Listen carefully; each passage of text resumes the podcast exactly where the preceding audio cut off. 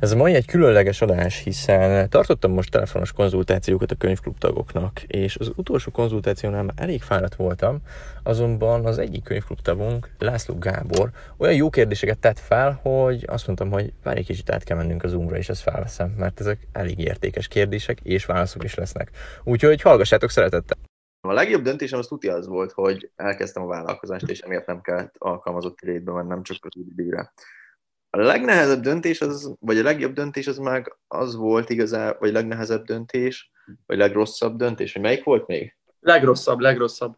Ja, a legrosszabb, hogy nagyon ragaszkodtam a dolgokhoz, és ez inkább ilyen párkapcsolati tudod, hogy amikor szakítottam valakivel, vagy ők szakítottak velem, akkor azt hittem, hogy nem lesz jobb, de mindig lett jobb, ugye, mert, mert tudatosabb lettem, és tudatosan kerestem azt. És ezt akartam még mondani pont, hogy hogy a legtöbb fiatal szerintem az a probléma, hogy azért vannak úgymond rossz kapcsolatban, mert nem tudják, hogy mit akarnak. Egyrészt, a másrészt pedig inkább az, hogy a TikTok, meg Instagram, meg ezek úgymond elbasszák ezt a női ideált, tudod? És tipikusan ezek a bulizós csajok azok, akik bejönnek. De pont azok a bulizós csajok, akik amúgy simán megcsalnak téged, csak, csak az érdekli őket, hogy jól érezzék magukat, meg ilyenek. Amivel nincs baj egyáltalán csak nem feltétlenül kapcsolatra valóak, úgymond, érted?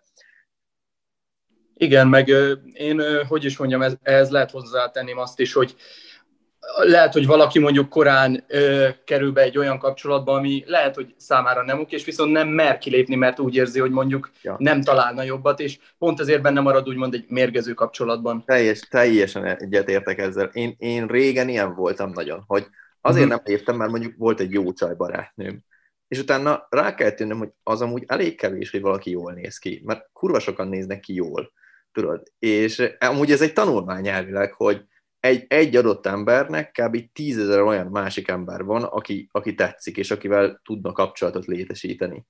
És te egyet találsz a tízezerből, úgymond. Tehát, hogyha netántán az nem jön össze, hát van még 9999 a világon, aki tetszik neked. Ennyi. Ja, ez jó kérdés volt nagyon. Köszönöm. Akkor a következő egy kicsit ilyen magán élet témájú, hogy mi lenne a legjobb tanács, amit a fiatalkori önmagadnak adnál? Ez kurva jó kérdések, nem mondom őszintén. Köszönöm. Igen, megvan. Hogy ha valami túl szép, hogy igaz legyen, az általában az is. Mert uh-huh.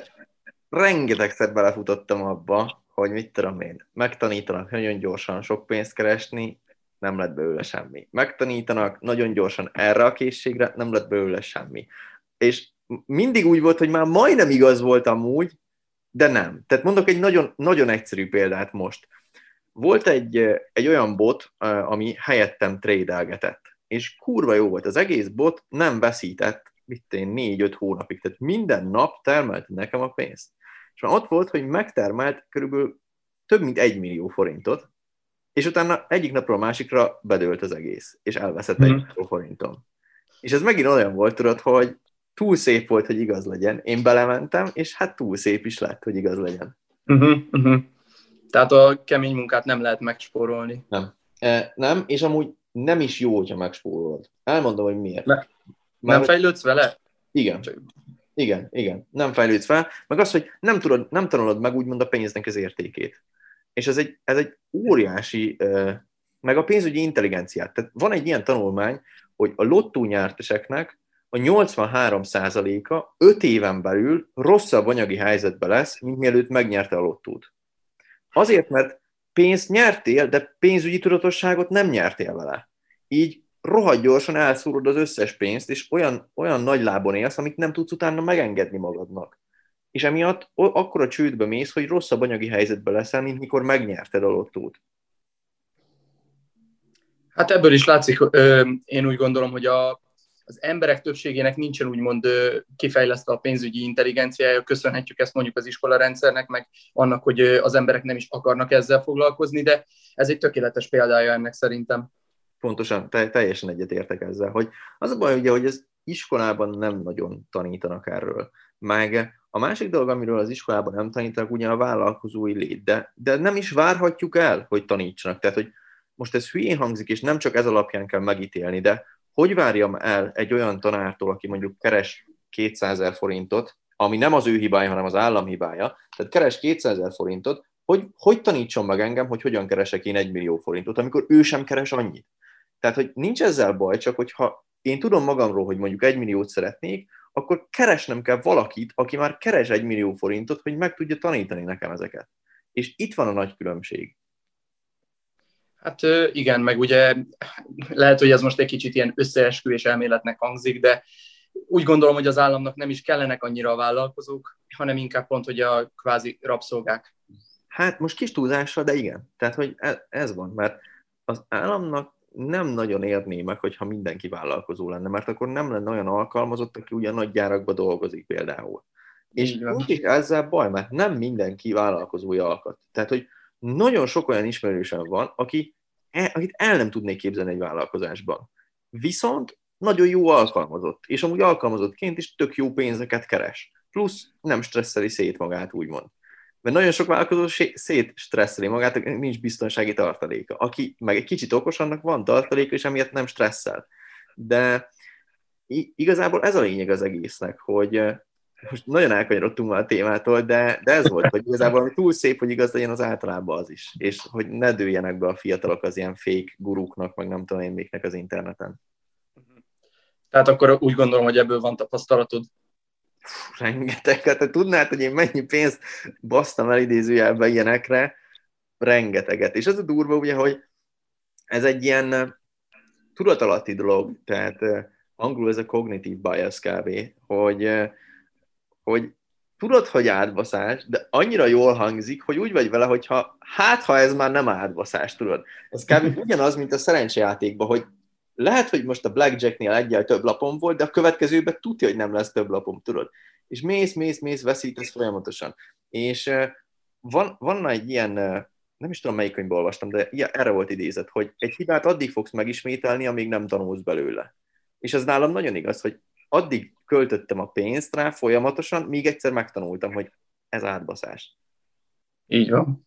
De én úgy gondolom, hogy ha tudtál tanulni belőle, akkor lehet, hogy rossz döntésnek tűnt akkoriban, de most talán jobb, jó döntésé konvertálódott át.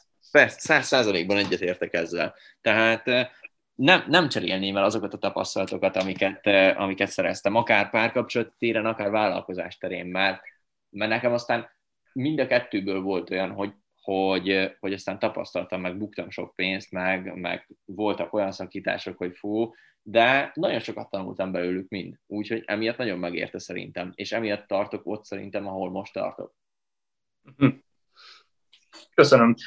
Akkor a következő, ez ismételten egy másik témában, mit gondolsz arról, hogy az ember, mint élőlény szépen lassan feléli a bolygót? Ugye korábban már említetted a seaspiracy de mostanában is elég sokszor jelennek meg ezek a cikkek, hogy konkrétan föléljük a bolygónkat, hogy erről neked mi a véleményed? Ez is nagyon jó kérdés. Na, nagyon jó kérdéseket tettél össze.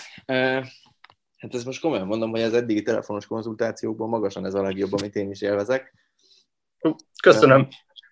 Hogy mit gondolok erről? Igazából többfajta megközelítés is van, és még szerintem amúgy visszafordítható az, ahol most vagyunk. Tehát, hogyha az emberek tudatosan elkezdik, elkezdenek változtatni, akkor még visszafordítható már így is brutál nagy mértékben roncsoltuk a környezetet, e, de, de úgy látom amúgy, hogy most az olyan emberekkel, mint például a Seaspiracy-nek a, a megalkotója, az olyan emberekkel ezek az ilyen modernkori térítők kb. Hogy érted, ez is a Netflixen van, és a Netflixről tanultad ezt meg az életről.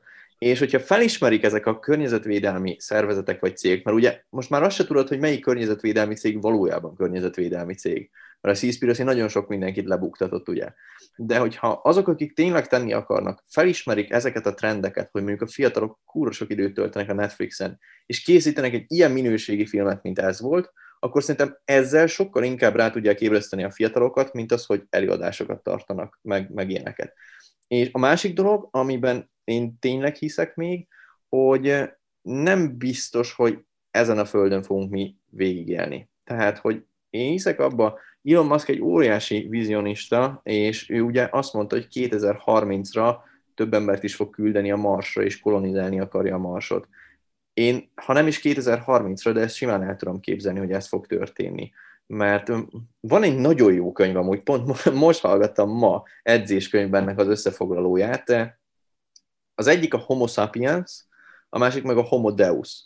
A Homo sapiens... Egy, pill- egy pillanatot kérek, gyors, akkor fölírom. ja, de nagyon hosszú könyv, tehát azt hiszem 400 oldalas. A Homo sapiens arról szól igazából, hogy az egész emberiségnek a történelmét elmagyarázza. És minden oldal száz évet jelent kb. És így visszamegy brutál. Tehát, hogy olyan szinten nem tudjuk úgymond elképzelni az időnek a múlását. Tehát, hogy a, a bolygónk az három és fél milliárd éves és ha azt mondjuk, hogy valami 1950-ben történt, azt mondom, hogy ez kurva régen volt, tudod. És eh, nagyon durva, hogy mit tenni a mai ember kb. ilyen, nem is tudom, talán nem akarok hülyeséget mondani, de kb. tízezer évvel ezelőtt alakult ki így kb. olyan formában, hogy akkor már volt mezőgazdaság, meg ilyenek. E, úgyhogy ez nagyon jó, és annak a folytatása, a Homo Deus, az pedig inkább a jövőről beszél már. A mesterséges intelligencia, a adatforgalmak, stb. Tehát maga az, hogy Istenné válik, úgymond a homo sapiens. Igen, tehát, és, és abban mondják el, hogy bazeg, magyarul nem tudom ezt a kifejezést, de az a lényeg, hogy több bolygón fog élni az ember. Tehát, hogy nem egy bolygóra lesz beszorítva, hanem simán elképzelhető, hogy bolygókon fog élni, és különböző mm-hmm. bolygókon tényleg másfajta emberek fognak úgymond kialakulni. Az hiszem Galaxis őrzői, az egy tök jó film, kicsit vicces is. Imádom. Imádom nekem is egyik kedvencem, és, és simán el tudom képzelni, nem most, de mit tenni, száz vagy ezer évek múlva, azok az emberek, akik más bolygókon vannak, kicsit tényleg ugye átalakulnak, és ahhoz a bolygóhoz, ahhoz a bolygóhoz fognak alakulni. És mit tudom én, most ez hülye hangzik, de hogy valakinek másfajta bőr, bőre lesz, vagy másfajta ilyen lesz, mert az az adott bolygó atmoszférája azt követeli meg. Ez nagyon előre menettel, úgymond, de én ezt tudom elképzelni, hogy egyrészt megfordítható ez, ami most van, másrészt meg valószínűleg nem csak ez lesz az a bolygó, ahol leszünk. Köszönöm a választ, ez nagyon jó volt. nagyon jó kérdés volt. Köszönöm. És a végére egy kicsi levezetés, hogy mi volt a legmeghatározóbb OMS élménye, tehát mint online marketinges. uh, hmm. Hogy gondolkozzak egy kicsit.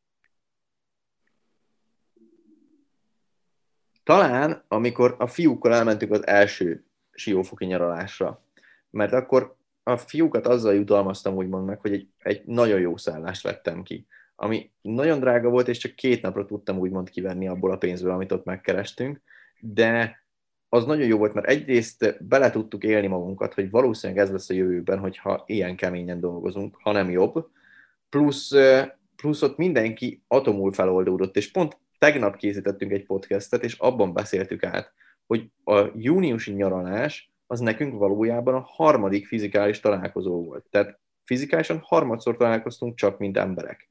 De mégis úgy álltunk egymáshoz, mintha ezer éves barátok lennénk, mert ugye hat hónapig folyamatos kontaktban voltunk napi szinten. De fizikálisan csak harmadjára találkoztunk. És hogy mégis, vagy vannak olyanok is amúgy, ennek az ellentétje, hogy van egy ismerő például, akikkel kint voltam Brazíliában, cserediákok. Nem beszéltem velük évekkel ezelőtt, semmit. De rám írt egy hónapja, és ugyanonnan folytattuk a beszélgetést, ahol abba hagytuk. És mm. olyan jó barátomként tekintek rá, hogy ha bármi gond lenne, ő azonnal jönne és segítene. Mm. Attól, hogy nem tartom vele nap mint nap a kapcsolatot. Tehát ez a két véglet kb. De én biztos, hogy ezt mondanám, mert az volt az, amikor így tényleg bele tudtuk élni magunkat, hogy ez, ez sikerülhet. És akkor így elhittük. Akkor kovácsolódott netán úgy össze minden téren a csapat? Szerintem igen, a vízió mindenképpen akkor, meg, uh-huh. meg a csapat is, mert az, tehát én hiszek abban, hogy egy csapat az élmények miatt lesz olyan erős, mint amilyen a miénk. És kellenek az élmények. Nem véletlen, hogy most, egy, most ezen a héten szombaton indulunk Horvátországba a fiúkkal, és ez is egy, már előre látom, hogy egy olyan élmény lesz, ami nagy mértékben meghatározó a jövőben is.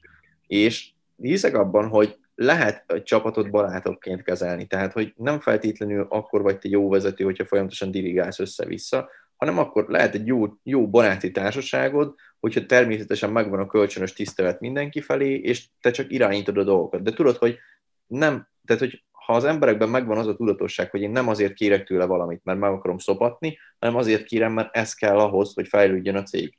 És, és hogyha ezt megértik az emberek, akkor nagyon könnyen lehet egy jó csapatot e, kialakítani. Viszont nagyon fontos az őszinteség is. Tehát, hogy ha valaki viszont elbasz valamit, akkor igenis meg kell mondani neki. Akkor is, hogyha fáj, de meg kell mondani neki, mert később meg fogja köszönni neked. Köszönöm szépen.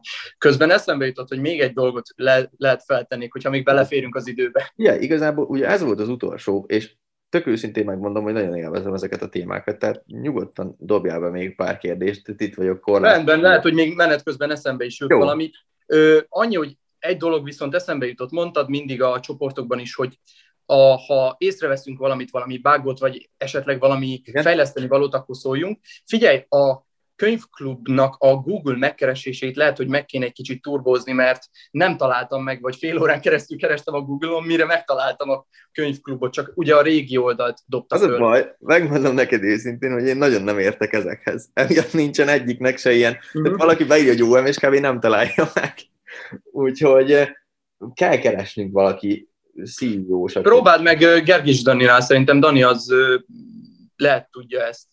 Ha? Vagy, vagy lehet, hogy ő tud valakit esetleg, aki tudja. Mert anno, anno neki volt olyan, hogy trash róla, és ő le tudta szedetni például a Google keresésekről, szóval lehet, hogy ő tud esetleg valamit.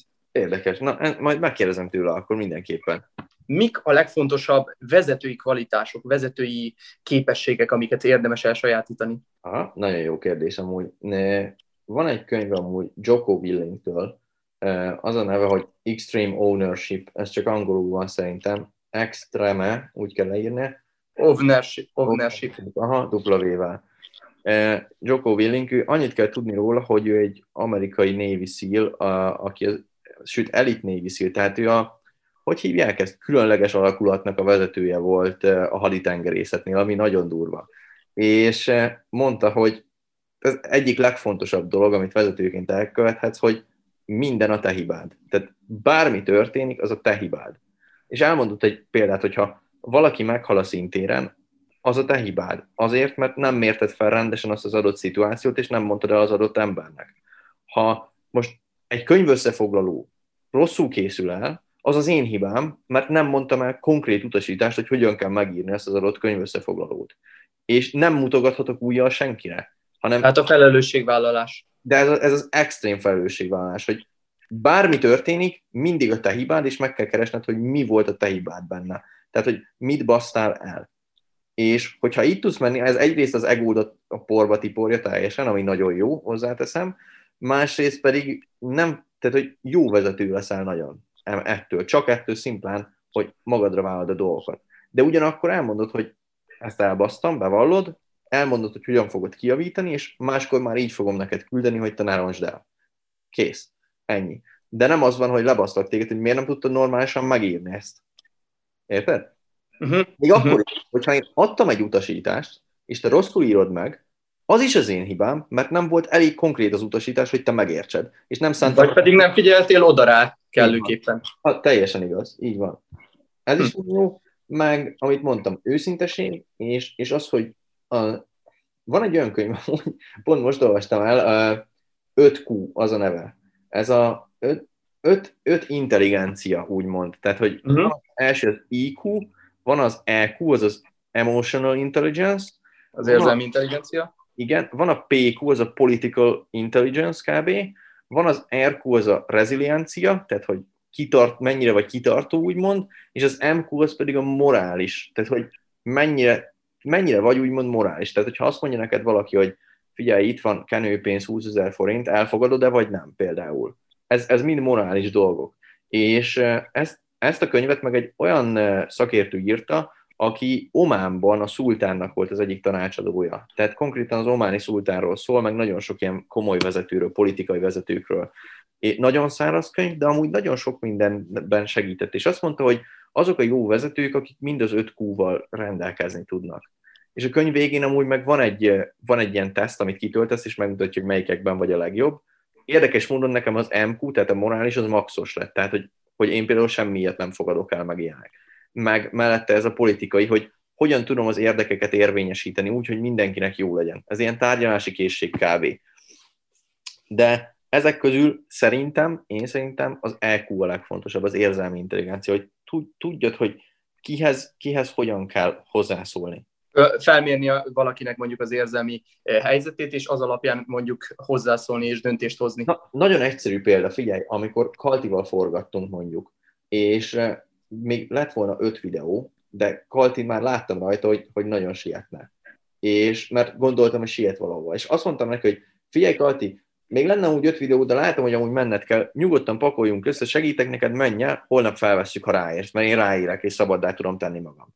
És ő megmondta, hogy baszki, köszönöm szépen tőled, hogy megköszönte, hogy utána másnap tudtuk felvenni.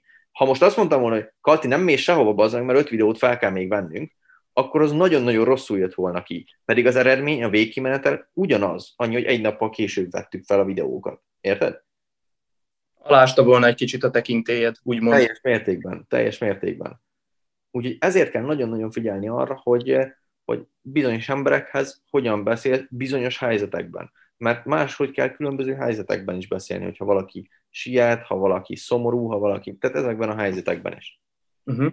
És akkor ezt egy kicsit tovább kötném, és mit gondolsz arról, hogyha mondjuk valaki emiatt esetleg kétszínűnek, vagy hogy is mondjam, nem feltétlenül őszintének nevez, mert minden egyes emberhez más maszkot, igen, más maszkkal beszélsz, ahogy mondjuk Dani, szokott, Dani szokta mondani ezt. Igazából szerintem ez nem teljesen igaz, mert nem veszek fel mindig más maszkot, igazából csak máshogyan kommunikálok, de az alapértékeim azok mindig ugyanazok. Tehát mindig az őszinteség van bennem igazából. És itt van egy nagyon jó dolog, hogy különbséget kell tenni a között, hogy hazudsz valakinek, vagy hogy nem mondasz el mindent valakinek például. És ez a kettő között különbség van, mert én mondjuk hazudni nem szoktam, és nem is szeretek hazudni. De az, hogy mondjuk nem mondok el mindent, tehát például mondok egy példát, áthívom Kati, hogy figyelj meg, Kati, fel kéne venni pár videót. És nem mondom el azt, hogy 15 videót kéne felvenni, mert, mert akkor kb. herótot kapna. De nem is hazudok neki, mert nem azt mondtam, hogy hogy kevesebb videót kell felvenni, érted? Tehát a kettő között van különbség. Igen, igen. Hogy is mondjam, nem akarod azonnal demoralizálni őt. Igen, teljesen, teljesen. Ez van bennem, igen. És, és szerintem az, hogy az alaperényeknek mindig ugyanannak kell lennie. Tehát, hogyha te őszinte vagy, ha te magabiztos vagy, ha te kitartó vagy, ezeknek mindig ugyanazoknak kell lennie. Csak tudnod kell, hogy milyen emberhez hogyan kommunikálj. Van egy ilyen is amúgy, amit, amit nagyon szeretek, ez a, csak kevésszer szoktam alkalmazni, ez a DISC, D-I-S-C ezt egy milliárdos mondta nekem egyszer, hogy, hogy ő a, így veszi fel az embereket ez alapján. Az lényeg, hogy négy személyiségtípusba sorolja az embereket. Extrovertált, introvertált, ugye, tehát az a, az a tengely, a vertikális, a horizontális, az, az meg a, a horizontális, az pedig a emberközpontú, vagy feladatközpontú. És akkor így kijön DISC, tehát vannak olyanok, akik extrovertált emberközpontú, a D az a dominant, az extrovertált és feladatközpontú. Én olyan vagyok szá, majdnem száz százalékban. A I az a influential, az a extrovertált és emberközpontú. Tehát ő tipikusan az, aki a középpontban van minden egyes ilyen rendezvényen. Az S, hú, most bajban leszek, mert annak nem tudom az angol nevét, de az S az az, aki emberközpontú, de, de introvertált. Kb. ilyen Teréz anya. Ő, ő kb. totál ide ebbe illik bele. A C az pedig, azt sem tudom angolul amúgy, az pedig a feladatközpontú és introvertált. Ez a tipikus ilyen geekek, tudod, akik egész nap gépeznek. Uh-huh. És máshogy kell kommunikálni. Nagyon máshogy kell kommunikálni velem, meg máshogy kell egy I-vel. Mert az I, az szeret beszélgetni. Tehát oda jössz, kérdezgetsz, de a, tehát arról nem szeret beszélni, hogy na, hogy áll a feladat. Minden másról beszél, de arról nem. Én meg beülnék egy meetingre, engem csak az érdekel mindig, hogy mi a fasz van. Tehát hogy állunk és engem nem érdekel a bullshit meg ilyenek, mondd meg, hogy állunk, kész, és megyek tovább, intézem a dolgomat. Feladatközpontú, teljes mértékben. Te, teljes mértékben az vagyok, és pont ez, amikor mondjuk vannak, vannak meetingek nekünk is, OM csapathívás, és valamit... Várjál, meg... lecsapatom a labdát? Kalti esetleg ö, ö, I? Ő szerintem egy százszerzalékban I, Kalti. Szinte biztos Igen. Igen. Csak azért, mert én is, én is így vagyok valószínűsíthetően. Szerintem te is az vagy a beszélgetés alapján. És tehát, hogy Kaltival emiatt totál másképp kell ö, beszélni, mert Kaltival nagyon jól el, el szoktunk faszkodni egy ilyenen. De mondjuk nem biztos, hogy haladunk, tudod? És akkor én mondom, na jó van, oké, és nyomjuk, nyomjuk, nyomjuk, tudod? És vannak olyanok, hogy felveszik a videót, és Kalti alszik, tehát elindítja a gombot, és így alszik, mert, mert annyira fáradt. Mert ő rengeteget dolgozik. Ezt amúgy nagyon kevesen tudják, de Kalti hosszú éjszakákat átdolgozik amúgy, ami nagyon tiszteletre méltó, de hogy máshogy kell velünk kommunikálni teljesen. Uh-huh.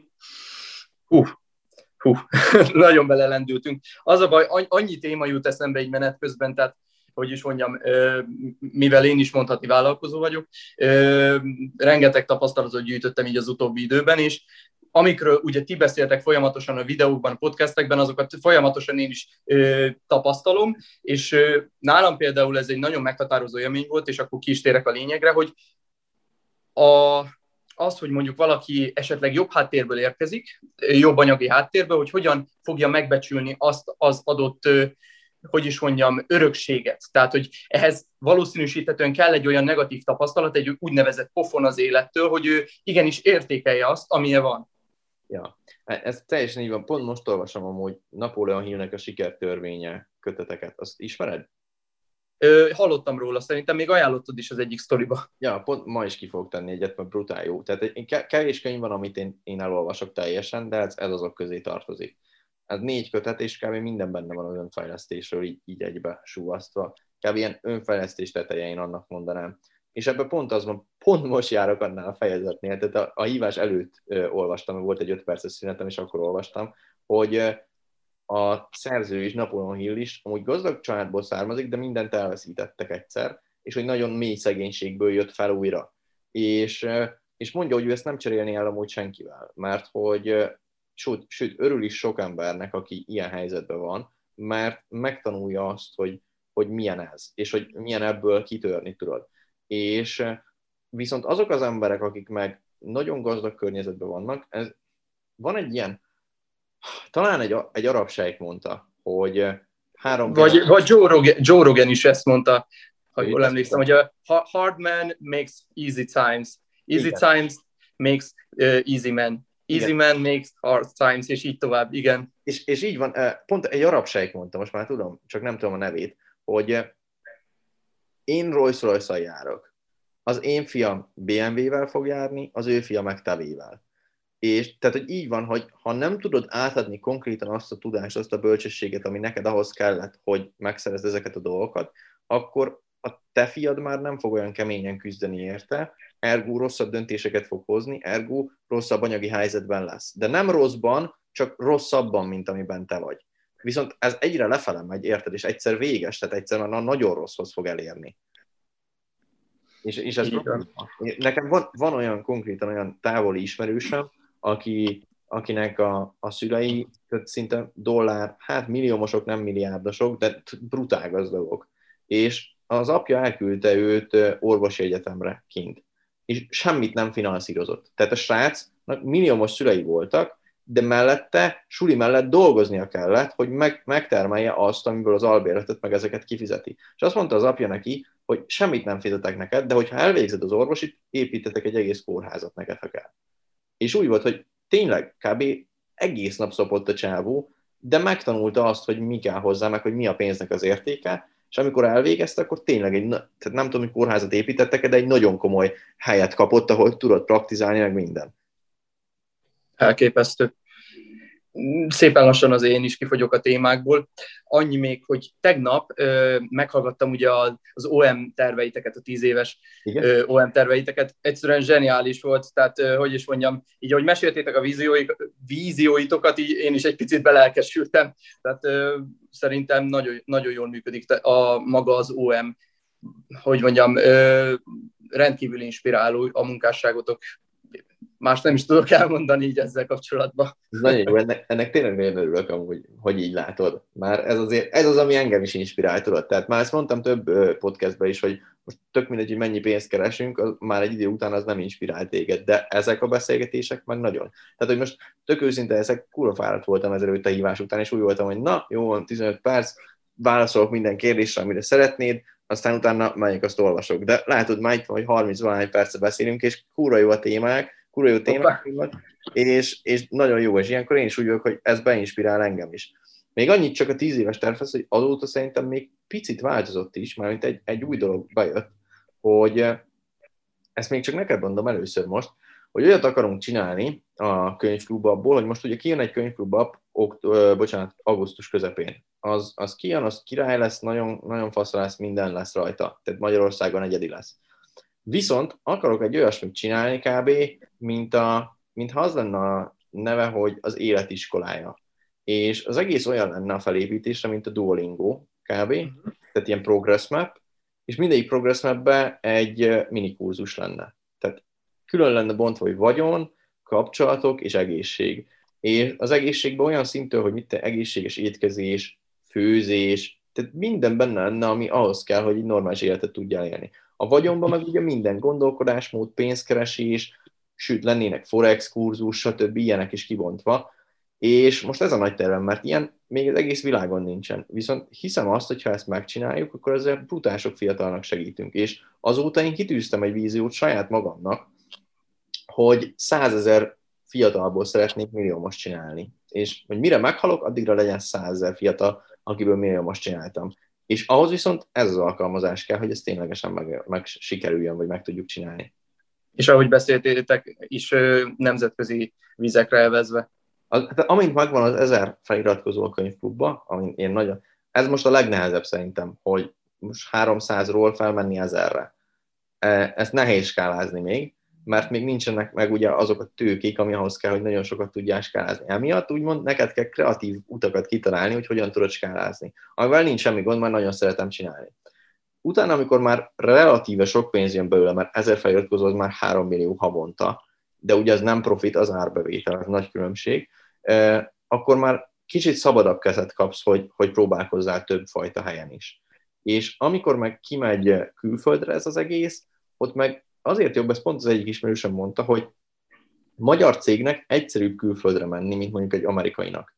Mert a magyarok, tehát ha megnézel egy magyar weboldalt, meg egy amerikait, teljesen más, és a magyar fényévekkel jobb, mint egy amerikai. Mert Amerikában tudod, ezek a dobozos ClickFunnels, meg ilyen szarok vannak, ami, ami ott jó, mert ott ilyen, most nem akarok itt izélni, de ott kicsit, kicsit butábbak az emberek, vagy érted? Nincsenek akkor egyszerűbbek, egyszerűbbek. Egyszerűbbek, ez jó szó, nem buták, igen, egyszerűbbek. Viszont Magyarországon meg azért vág az esze mindenkinek, és emiatt, ha egy magyar cég megy külföldre, csak ide Kelet-Európába mondjuk, vagy Közép-Európába, akkor nagyobb esélyei vannak, mint egy amerikai cégnek, ha bejönne.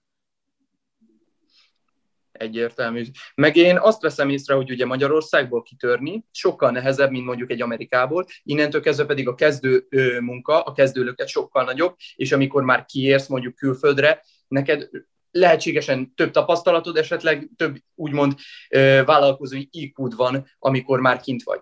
Pont, pontosan, százszerzek, és pont emiatt van az, hogy én például nem is, nem is kértem befektetést senkitől. Tehát, hogy ezt úgymond magam szeretném felépíteni. Lehet, hogy később lesznek befektetők, de magam szeretnék azért egy, egy nagy dolgot letenni, tudod, amire azt mondják a befektetők is, hogy na baszki, ez a csávó felépített, ennek van tudása, ennek szívesen adok pénzt mondjuk. És, és ezt, ezt akarom mindenképpen. Meg mondom, minden, mindig olyan módokat keresek, most is azon jár az agyam, hogy hogyan tudnám ezt megcsinálni, hogy a fiataloknak ne kelljen fizetni, de mi mégis kapjunk pénzt, amiből feltart, fenntartsuk az egészet. És akkor elkezd gondolkodni az agyam, hogy valami alapítványokat kéne megkeresni, akik kifizetik helyettük, tudod, meg, tehát hogy már jár az agyam ilyeneken, de még nem jutottam előrébb. Aztán ki tudja. Esetleg köz, közoktatásban valamilyen úton, módon mondjuk beszivárogni? Ha, pont, pont ezen is gondolkodtam most. Most azon gondolkodtam, pont, pont ezt kerestem ma, hogy sokan kérdeztétek, hogy az adózásról kéne tartani egy ilyen kis előadás, vagy valami. És jó vagyok adózásban ilyen alapszinten, de nem vagyok profi benne. És azon gondolkoztam, felmentem a NAV-nak az oldalára, hogy van-e ilyen, hogy mit egy marketing referens, vagy valami. Mert szerencsére már van egy akkora követettségünk, hogy ha mondjuk valakinek azt mondjuk, hogy tartsál egy kis előadást, vagy valamit 200 ezer embernek, vagy 170 ezer embernek, akkor azt mondja, hogy jó, tudod. De mondjuk ez ezer embernél az nem lett volna így és hogy emiatt, a TikTok emiatt segített csak nagyon-nagyon sokat, hogy úgymond idézőjelben ilyen leverage-et adott, hogy tudok mit tenni az asztalra, hogy nézd, én ezt adom cserébe. És most nagyon ezen vagyok, hogy minél gyorsabban, minél nagyobb leverage-et építeni a YouTube-on is, és utána pedig, hogy meglegyen az a, az a leverage, amit azt tudom mondani, hogy a legjobb embereket tudom felkérni arra, hogy jöjjenek és tartsanak egy előadást ebben a bizonyos témában. Mert nagyon sok olyan téma van, amit már összeírtunk, vagy kb. 200 témát a fiúkkal, vagy 150-et, amiről ilyen kis előadás lehetne, amiben én nem vagyok jó. Tehát, hogy főzésben nem vagyok jó. Edzésben jó vagyok, de hát sokkal jobbak is vannak nálam. És az lenne a lényeg, hogy a lehető legjobbakat tegyük össze, akiktől lehet tanulni. Hogy mondjam, tehát ez most nagyon furcsán fog hangzani. Az a baj, minél többet beszélünk, annál több kérdés jut az eszembe, tehát hogy ez így egy ilyen végtelen folyamat. De nyugodt, hol laksz amúgy? Én Bonyhádmajoson, öm, hogy is mondjam, ö, egyszer amúgy már valamilyen úton módon beszéltünk, a Mohának vagyok a haverja, Mohamednek. Tudom, tudom, hogy tudom, hogy ki vagy akkor. A, elmentünk egyszer kávézni a Mohával, és mondta, hogy hát akkor küldök egy videót a Kristófnak, én megmondtam, micsoda? Mi? Micsoda? tudom, tudom, de Pécsen találkoztatok vele, nem? Igen, igen, hát Pécsen tanultam annó, igen, igen, igen. És mit tanultál? Én építőmérnöknek tanultam, de hát, hogy mondjam, amióta beütött ez a karantén, és elkezdtelek titeket hallgatni, annyira nem érzem, hogy is mondjam, legitnek a dolgot, validnak, annyira, hogy mondjam, teljesen más irányba mennék. És van, van már valami vállalkozásod, vagy csinálsz valamit most? Igen, hát hogy mondjam, ez egy kicsit bonyolultabb annál. Van egy bádogos vállalkozásunk, egy családi vállalkozásunk, csak ugye ezt édesapám kezdte el, de ő meghalt 2013-ban. És én ezért mentem el úgymond építőmérnöki szakra, hogy átlássam a teljes építőipart. Viszont mire végeztem, akkor jöttem rá, hogy hát ez nem az én világom. Akármennyire is úgymond jó tanuló voltam, azért a vállalkozói lét mindig kiütött, hogy én szerettem azért irányítani, és szerettem csinálni a dolgokat, viszont én nem feltétlen vagyok kétkezi munkás ember. Én inkább elmagyarázom a dolgokat. És most jelenleg is ügy, ügyvezető vagyok a vállalkozásban, de érzem azt, hogy ez, ez, ez nem az én világom, és pont ezért egy kicsit ilyen, hogy is mondjam, ö, fél seggel akarom megülni a lovat jelenleg. Értem, akarsz. Uh, igazából velem nagyon hasonló volt, mert én meg apukámnak segítek a vállalkozásában. És uh, őszintén ezek kurvára nem érdekel az a vállalkozás. Tehát, hogy anyukám fogorvos, apukám meg fogorvosi kellékeket árusít. És nagyon, tehát egy relatíve nagy cége van. De, és én segítek a marketingben neki. Viszont engem nem érdekel annyira. És hogyha ne talántán rám hagyná a céget, ezzel viccelődtem mindig, hogy azonnal eladnám, mert nekem ez nem kell. De amúgy ilyenkor lehet azt is csinálni, hogy felveszel valakit magad helyett, tehát hogy felveszel egy ügyvezetőt, és te sokkal kevesebb pénzt fogsz kiszedni belőle. De hogyha ő építi a te cégedet, ami tulajdonban a tiéd, tehát értékben megy fel a cég, és te ki tudsz szedni mondjuk csak havi 100 ezer forintot, ami passzív neked, akkor már megérte nem ott hagyni a céget, vagy nem eladni a céget. Tehát, hogy ilyen szempontból én lehet azt mondanám, hogy ha most meg kéne, amúgy Napoleon Hillnek ez a sikertörvénye, ez pont kurva jó lenne neked, hogyha ezt elolvasnád uh-huh. elsőnek azok közül, amiket felírtál, mert abban pont ez van, hogy kell egy meghatározott főcél, és a meghatározott főcél jelen esetben lehet az, hogy, hogy kiszállni a vállalkozásból. Uh-huh. Az agyad azon kezd majd el dolgozni, hogy milyen módon tudnál te kiszállni a vállalkozásból, úgy, hogy az a vállalkozás ne csődüljön be azonnal mondjuk. Uh-huh még gondolkodtam abban, hogy aki van úgymond első emberünk a szaki, hogy neki esetleg egy részesedést adni a cégből, Igen. és akkor saját magának érzi az egészet, és onnantól kezdve úgy is dolgozik, mint hogyha az övé lenne.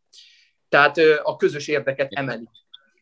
Ez minden. De Tehát, nem, igen? Ha, lett, ha úgymond megengedheted magadnak, hogy lemondod bizonyos százalékról, akkor szerintem megéri. Csak figyelj arra, hogy ne adj azonnal nagyon sok százalékot, mert én egyszer már beszoptam ezzel először adják keveset, akkor is a magáénak fogja érezni. Utána meg, ahogy teljesít folyamatosan, akkor szépen tudod emelni. És mondjuk felemeled maxosan ilyen 30%-ra, vagy 35-re, annál feljebb semmiképpen szerintem, és, és az, az jó, akkor már magáénak fogja érezni, meg akkor is ugyanúgy keres belőle pénzt. Uh-huh. Rendben, mindenféleképpen. Mondom, annyi, annyi dologról tudnánk beszélni. hát figyelj, tehát hol, vagy mihez van közel ez a, a hol laksz? Ö, hát, hogy mondjam, Pécshez igazából semmi máshoz, tehát ö, Pesttől 160 kilométerre lakom. Aha. Már azon gondolkodok, hogy Pécsre nem nagyon szoktam járni, de hogyha valamikor arra megyek, akkor szívesen összeülök, aztán dumálhatunk egy egész délelőttöt akár. Mindenféleképpen, sőt, hogyha nem nagy kérés, eset, esetleg, hogyha Pesten jártok, lehet, hogy akkor én is megpróbálom úgy összeegyeztetni a dolgokat. Jó, figyelj, Mostanában Pesten nagyon keveset vagyok már, csak azért is, mert valami gyűlölöm azt a várost egyszerűen. Tehát olyan szinten nem szeretem Pestet, hogy aztán nem tudom mondani neked. De personalizáló szerintem, tehát hogy ne, nem vagy ember ott. Teljesen, teljesen. Viszont, viszont Pécs meg nagyon szép volt. Én Pécsen most voltam először életemben, és, és nagyon tetszett, megmondom őszintén. Nekem Pécs meg Szeged, ami ilyen, ilyen nagyon hasonló, és Szegedet nagyon bírom valamiért, úgyhogy nekem emiatt Pécs is szimpatikus volt. Úgyhogy lehet, hogy Pécsre reálisabb az esély, hogy le fogok venni még a nyáron. Kalti mindig mondta, meg Kalti ugye Pécsen tanult. Így van, hát ő nem is tudom, gyógytornásznak? A, azt tanulta, csak ott hagyta egy év után, de azt tanulta. Uh-huh. De végül is szerintem jobban bejött neki a fotózás, videózás. Hát sokkal, sokkal. Pont ezen viccelődtünk is a múltkor, hogy azóta mennyi pénzt keresett, és mennyi pénzt keresett volna mondjuk a gyógytornászatból kb. Úgyhogy vicces azért. Meg hát ő azt, azt csinálja, amit, amit szeret eléggé, és nagyon jó benne, és folyamatosan fejlődik. Ugye a stúdió is most ott van, hogy azt is akarjuk csinálni. Most oda pont ingatlant keresünk, amit, amit lehetne, de na mindegy, majd lesz belőle valami. Így van. A hosszú távú tervek remélhetőleg rövid távon teljesülnek. Nagyon remélem amúgy, igen. Már csak azért is, mert ott van ugye a dokumentáció, hogy ezt tíz évre mondtuk. Mi lenne, hogyha mondjuk olyan hat hónap alatt megvalósulna? Figyelj, én, hogy is mondjam, a, tavaly október-novemberben volt egy ilyen becsípődésem, amikor valamiért elfelejtettem, valószínű a Dani képzésének hatására, elfelejtettem azt, hogy vannak nekem gátlásaim, és valami elképesztő módon akkor átfejlődtem így hirtelen, hogy meg is ijedtem. az nagyon jó amúgy. Tehát, hogy önbizalom terén is, minden terén, hogy egyszerűen, tudod, az a fuck your opinion, egy, egyáltalán nem érdekelt más véleménye, és ez annyira hihetetlen volt. Felszabadító érzés amúgy nagyon. Teljes mértékben, teljes mértékben. És hogy is mondjam, nálatok meg, hogy is mondjam, a többszörösét el tudom képzelni annak, mert egy olyan társaságot látok így a ti ö, OM csapatotokon belül, akinek közös a víziója, közös a miértje, és innentől kezdve pedig sokkal erősebb, mint mondjuk egy egyszerű multi. Hát annál biztos. A multi az, az szintén ugyanúgy depersonalizáló, amit mondtál. Tehát a multi meg Pest az ilyen, fú, azért nem is tudom elképzelni azt a képletet így egybe, de ez így kb. azonnali öngyilkosság az én szemembe. Úgyhogy, ja, figyelj, valamikor, ha ott leszek, mindenképpen összehozzuk ezt, mert mondom, kurva jó volt a beszélgetés. Meg a beszélgetés alapján amúgy nagyon tájékozott vagy, tehát nagyon jó kérdéseket tettél fel, önbizalmad megvan száz százalékban, tehát nagyon magabiztosan beszéltél végig, meg nagyon jól kommunikálsz az emberekkel. A mimikáid is, a testbeszéded, minden azt mutatja, hogy nagyon jól kommunikálsz az emberekkel, úgyhogy ez már is tökéletes ahhoz, hogy egy jó vezető legyen belőled a későbbiekben. Köszönöm szépen. Esetleg még, még egyetlen egy dolog, és akkor tényleg nem, nem tartalak föl, hogy beszéltetek arról, hogy szeretnétek ilyen klubházakat. Igen, igen, igen.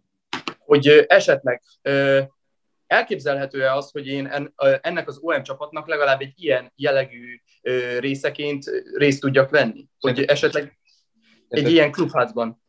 Szerintem simán. Amúgy. Azt nem tudom még, hogy, hogy még nem állt össze a fejembe, de az biztos, hogy kellenek emberek, és hogy például veled tök szívesen együtt dolgoznék, száz százalékban.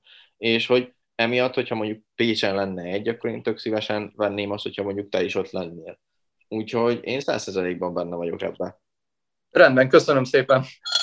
Na, ennek nagyon örülök. Aztán mondom, ha bármi kérdésed van, vagy bármi olyan, ami esetleg nem jutott most eszedbe, nyugodtan írd le, vagy hogyha összegyűlik még ilyen kérdésor, mint ami most volt, akkor meg nyugodtan írjál, összehozunk egy ilyen hosszabb hívást, mert ezekből még pár rész szerintem Ádám simán ki is tud vágni, és tud belőle egy podcastot is csinálni.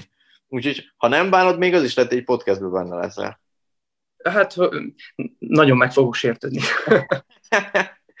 nagyon jó.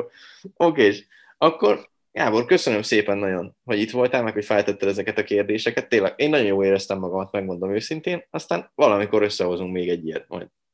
Kristóf, én is köszönöm. Életem egyik legjobb élménye volt szerintem. Ennek nagyon örülök akkor. További szép napot neked. Szia, szia! További szép napot, szia!